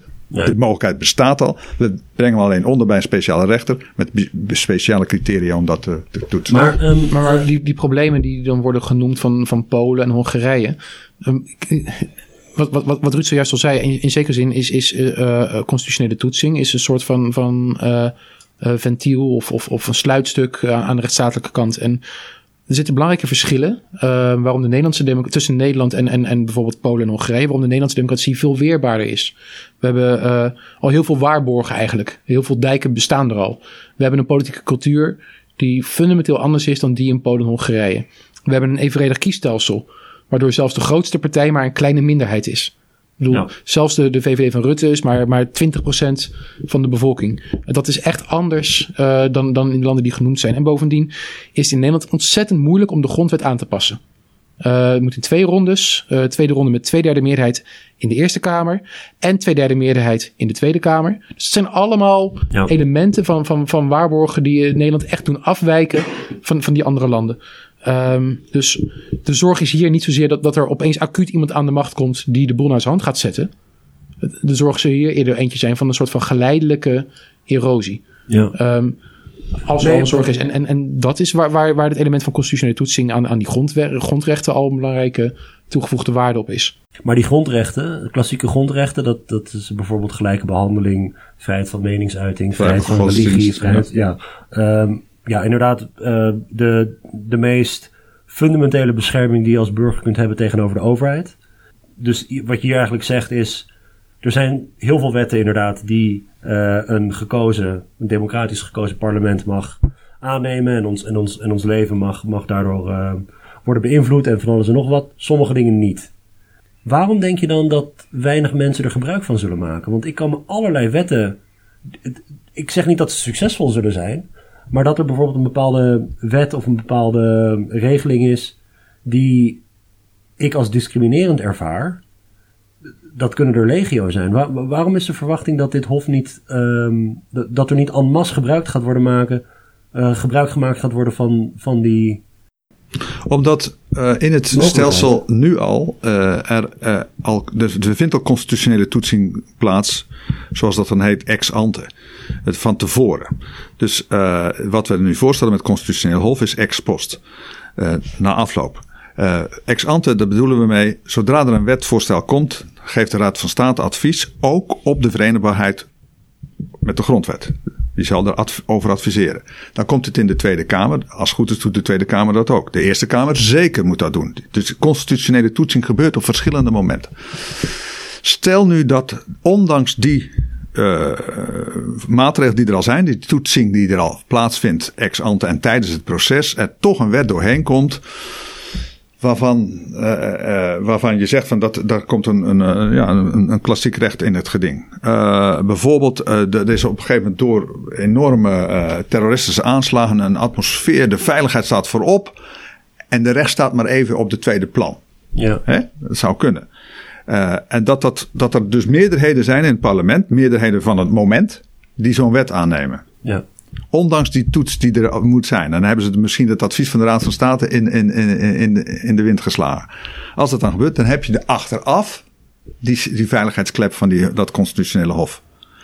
Uh, ik denk, om, al de reden die Tom ook net zei, dat het Nederland met zijn checks en balances, dat, dat veel partijstelsel waar soms over geklaagd wordt, dat is één systeem van checks en balances. Ik bedoel, uh, dat heb je al. Dat het in Nederland met al die dingen niet zo snel zal gebeuren, maar een enkele keer zal dat toch kunnen. Ik kan me best voorstellen dat ze bijvoorbeeld uit efficiency-overwegingen de griffierechten voor de rechter omhoog gooien.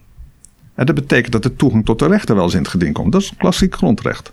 En dat er dan een hof zegt, nou, deze verhoging van de griffierechten ondanks dat er een parlementaire meerderheid voor is, vinden we toch niet juist. Ja. Uh, de voorzitter van de Eerste Kamer gaf zelf een voorbeeld in haar interview. dat een wet in 2005 aangenomen uh, toch wel zulke rechtsstatelijke aspecten had. Die kreeg een meerderheid in de, in de Tweede en Eerste Kamer om politieke redenen uiteindelijk, toch. Dat slipt er zo nu en dan tussendoor. En dan heb je die veiligheidsklep van het Hof. Ja. Uh, Meindert Hogerkamp via de e-mail. Allemaal om één e-mail hoor. Meindert heeft een, uh, heeft een e-mail gestuurd met een aantal vragen. Vandaar dat hij vaker, vaker langskomt. Um, hè, dus met het toetsen aan de grondwet wordt de toegevoegde vraag van de Eerste Kamer beperkt. Waarom kiest de staatscommissie toch voor het behoud van het orgaan en misschien voortbouwend op, op, op wat Ruud net zei. De Eerste Kamer heeft verschillende rollen. Heeft verschillende rollen, ja. Uh, de, de, de, de, toetsing aan, aan, aan uh, vooraf aan, aan, aan de grondwet of aan, aan, de bredere inbedding binnen het, hele stelsel van de wet is een rol die de Eerste Kamer toegewezen heeft gekregen, heeft genomen. Ligt ook bij de Tweede Kamer overigens. Um, een toetsing aan de grondwet kan je zeggen, is, is er daar één van. Maar die rol, zoals Ruud net al zei, die wordt niet in, alle omstandigheden even goed opgepakt. De Eerste Kamer zou je kunnen zeggen. Um, maar bovendien, ik denk dat toetsing achteraf een andere rol is uh, dan, dan de toetsing van de wet vooraf. Het kunnen ook onvoorziene omstandigheden zijn of onvoorziene elementen zijn uh, die je niet van tevoren had kunnen oppakken. En die twee botsen dus niet met elkaar. Sterker nog, ze kunnen elkaar zelfs versterken. Um, bij referenda weten we het feit dat je referenda kan organiseren, maakt dat parlementen ja. um, responsiever zijn naar de bevolking, waardoor die referenda minder snel gehouden hoeven worden.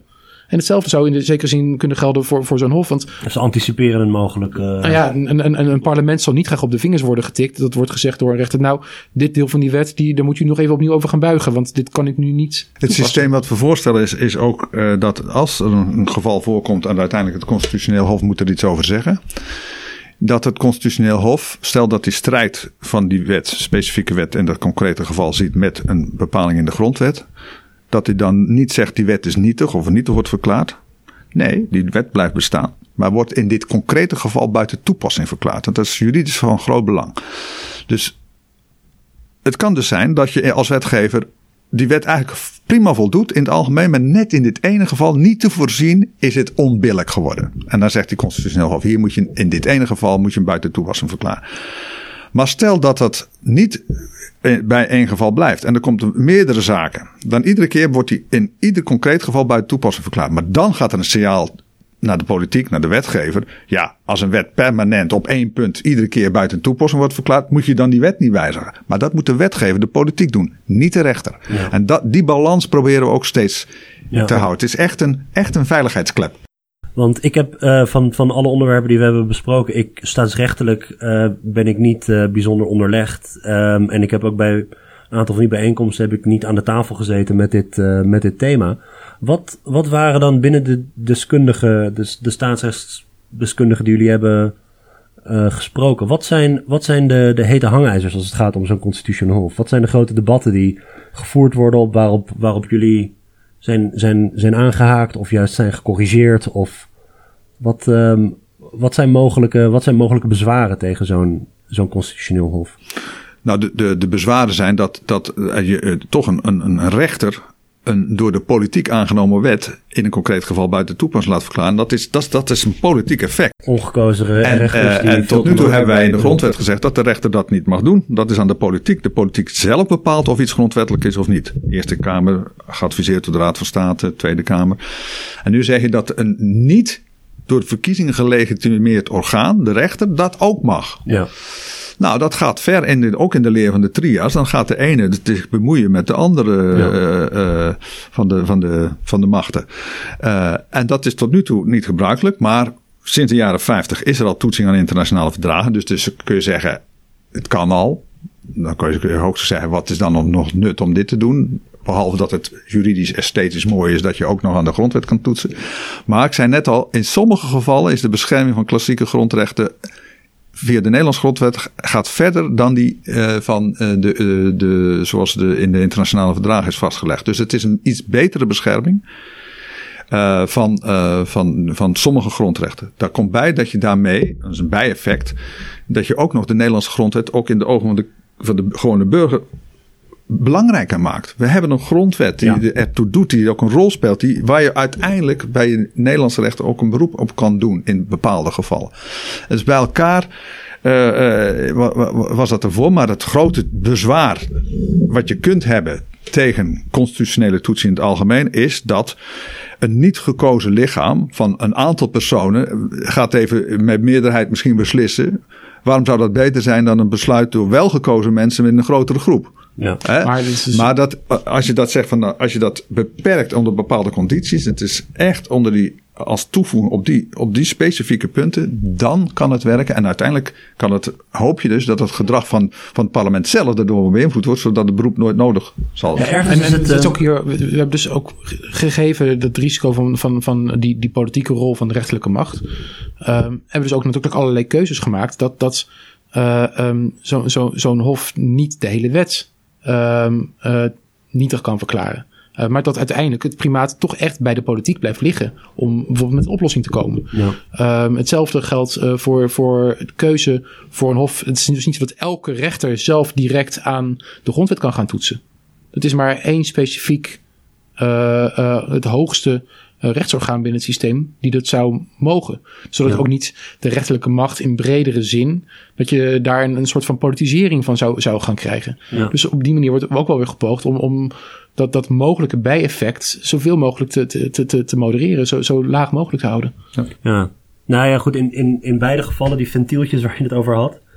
Uh, in een extreme situatie is een referendum ook een, uh, ja, mensen halen altijd die, die tirannie van de meerderheid erbij en minderheidsrechten worden, worden vertrampeld in het extreme geval, maar dat ventiel dat er zit, is correctief sowieso. En er zitten opkomstdrempels en allerlei, allerlei manieren om dat... Uitkomstdrempels. Om, uh, sorry, uit, uit, oeh, dat is een belangrijke correctie.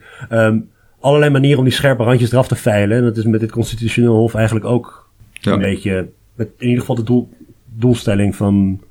Ja, het is, het is echt een, een, duidelijk, duidelijke bevoegdheid heeft hij in zeer nauw omschreven gevallen. Ja. En, en, en bij, het, bij het referendum is ook zo, het is echt alleen in zeer nauw omschreven gevallen over reeds door het parlement aangenomen wet. Dat is, het is niet zo dat je per referendum dus iets kan opdringen aan de politiek. Dat kan niet. Je kunt niet zeggen we gaan met z'n allen de doodstraf invoeren. Als er geen wet is waarin dat wordt voorgesteld, kan dat gewoon niet. Of, of andere zaak.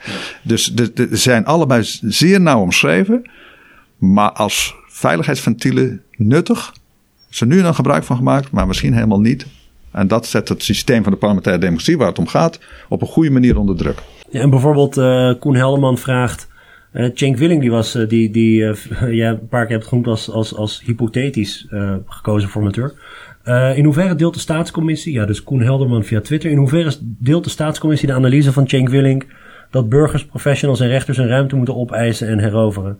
Cenk Willing die kwam ehm, afgelopen week met een, met een groot interview nou ja, ik, ik weet niet of Cenk Willing dat zo, zo precies heeft gezegd. Maar als, als, als het gaat om dat, uh, dat uh, uh, mensen met kennis van zaken, professionals, gewoon hun werk moeten kunnen doen.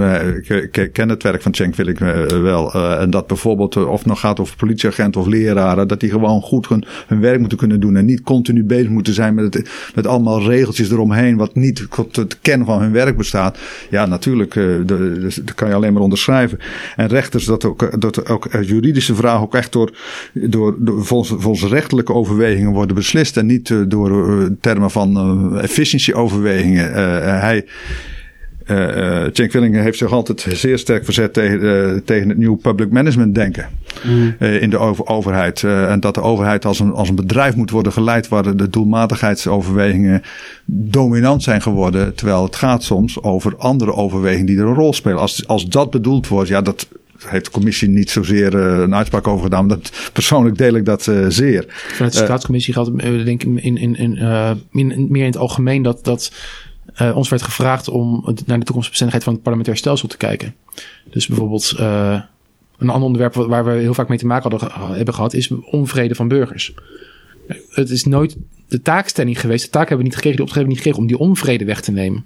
Alleen moeten we wel kijken, voor zover die onvrede het functioneren van het parlementair stelsel beïnvloedt, ja. hoe moet je er dan mee omgaan?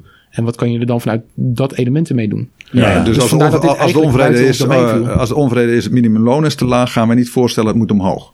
Daar laten we blijven bij. Maar wij, schetsen wel processen waardoor die onvrede een kans krijgen om zich op een redelijke manier te manifesteren in het parlementaire stelsel. Ja. Allerlaatste vraag. ook, ja, Menno, Menno sorry, Meindert Hogerkamp.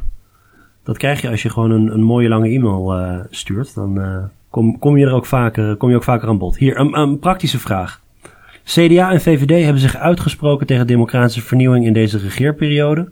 Hoe wordt voorkomen dat dit rapport niet naar handen schudden en dankwoorden in de la verdwijnt? En uh, breder genomen inderdaad, een aantal van deze voorstellen die vereisen ja, grondwetswijzigingen. Een aantal niet, een aantal zijn, uh, zijn zo in te voeren. Um, in het verleden is het volgens mij vaak zo geweest dat, een, dat voor een grondwetswijziging een staatscommissie uh, had gewerkt. Of zelfs dat soms staatscommissies leiden tot grondwetswijzigingen. Ja, hoe, uh, hoe zien jullie dat met een aantal van deze, deze voorstellen? De haalbaarheid. Nou ja, wij maken verschil tussen voorstellen waar een grondwetswijziging voor nodig is. Dat is langdurig. Waar een gewone wetswijziging voor nodig is. En waar voorstellen waar geen wetswijziging, maar vooral ook cultuur, gedragsverandering nodig is. Uh, en, uh, dus alle 83 voorstellen die we doen, daar hopen we natuurlijk van dat ze allemaal worden ingevoerd. Ja. Uh, maar we zijn natuurlijk ook realistisch. En hier gaat het vooral ook over de, de, de regeringen, vooral de partijen CDA en VVD. Uh, nou ja, die, die, kijk, het feit dat de commissie unaniem is met onder andere mensen ook uit CDA en VVD erin, met die voorstellen, zegt misschien al iets. Maar belangrijker is ook dat, dat de minister van Binnenlandse Zaken, die nu uh, zal moeten gaan trekken, de reactie op ons rapport van de staatscommissie zal moeten vormgeven. En op basis daarvan zal de Tweede Kamer gaan, uh, gaan discussiëren. Die heeft zich ook wel uitgelaten dat ze dat heel erg serieus zal nemen. Uh, kijk, toen ik begon, ik weet niet hoe het met Tom zat. Ja, het staatscommissie hoor je vaak, het komt in de la. Niet altijd, hè. Torbekke kwam niet in de la, maar eens te zeggen. Maar ook, Torbekke, maar, maar, maar ook Douwe-Jan Elsinga, de dualisering van het lokaal bestuur, uh, is, is wel, wat je er ook van vindt, is wel doorgegaan. Dus er zijn dingen die echt wel doorgaan. Ja. Uh, en, maar ik, ik denk wat we hier, de minister heeft het laten merken dat ze in ieder geval de urgentie van de problematiek wel ziet. Uh, en dat heeft Johan Remkes als voorzitter bij de presentatie ook gezien. Er is, waar we uh, eerder over hebben gehad, een dreiging van een tweedeling tussen hoog en laag opgeleide in, het, bij de representatie van, van mensen in het politieke systeem. Daar moet je iets aan doen. En dan sommige voor voorstellen die doen het misschien wat meer dan anderen. Maar je kunt niet zeggen, oh, het, het, gaat goed en we hoeven niets te doen. De dreiging van de democratische rechtsstaat van buiten onze grenzen, maar ook via al, al alle ontwikkelingen op sociale media en, en robotisering en digitalisering. Daar moet je iets nu aan werken. En uh, ik denk dat uh, als je dat dat besef laat doorklinken. En, ik, de reactie tot nu toe vind ik behoorlijk welwillend oh, ten aanzien van de voorstellen van de commissie.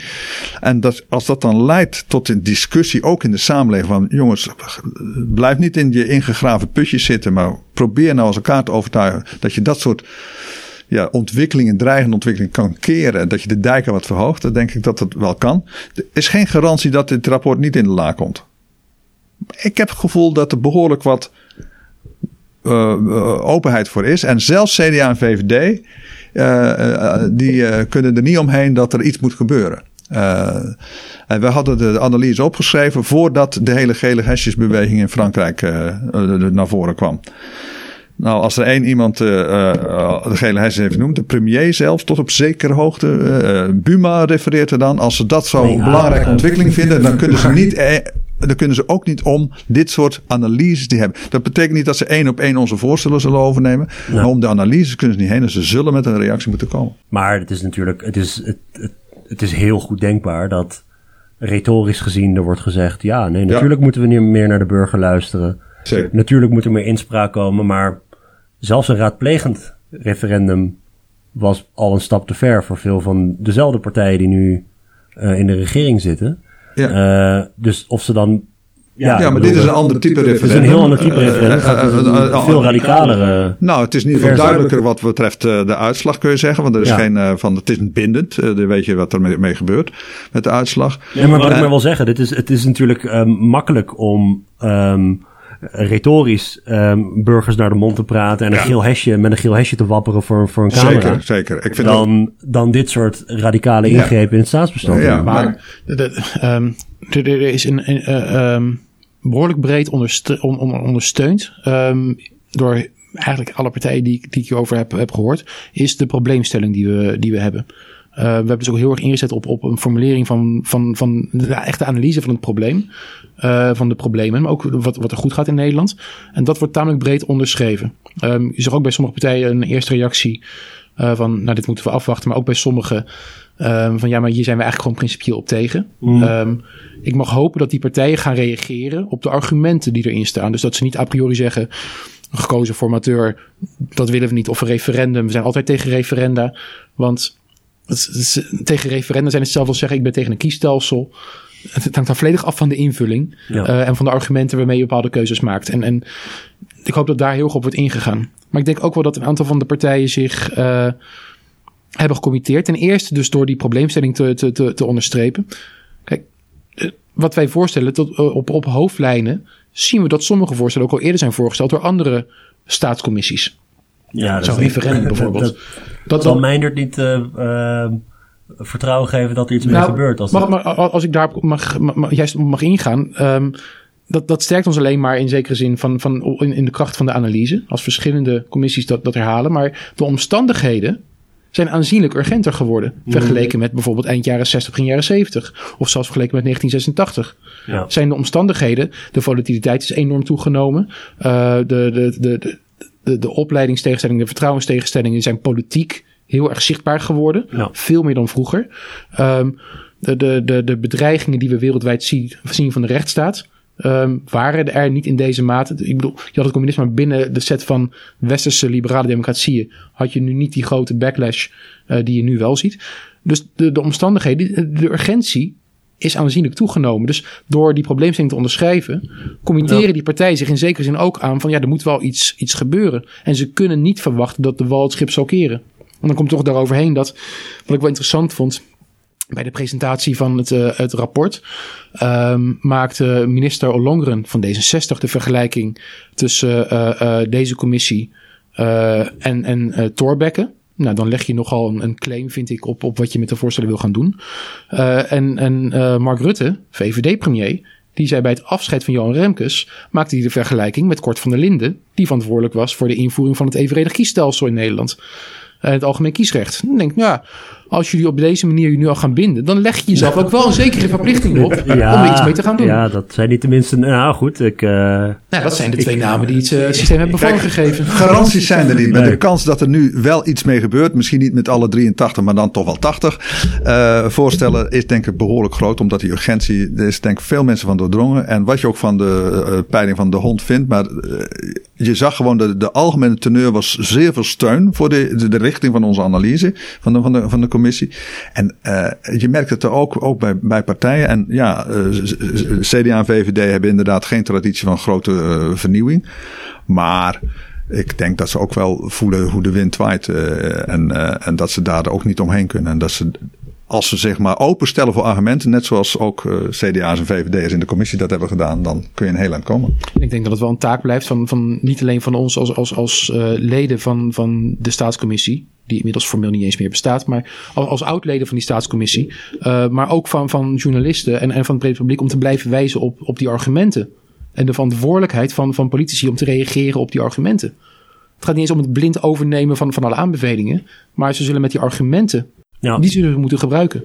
Wat is de volgende, volgende stap? Wordt, er wordt, een, uh, wordt erover gedebatteerd in de Kamer? Ik denk dat de regering zal een paar maanden nemen, uh, denk ik, om een uh, antwoord te formuleren. Ik, uh, als politicoloog denk ik over de statenverkiezingen, zeg ik, denk ja. ik dan.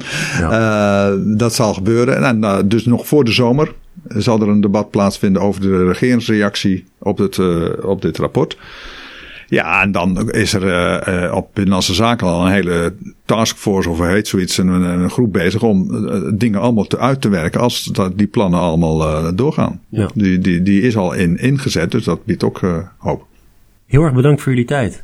Graag gedaan. Graag gedaan. en u heel erg bedankt voor alle vragen.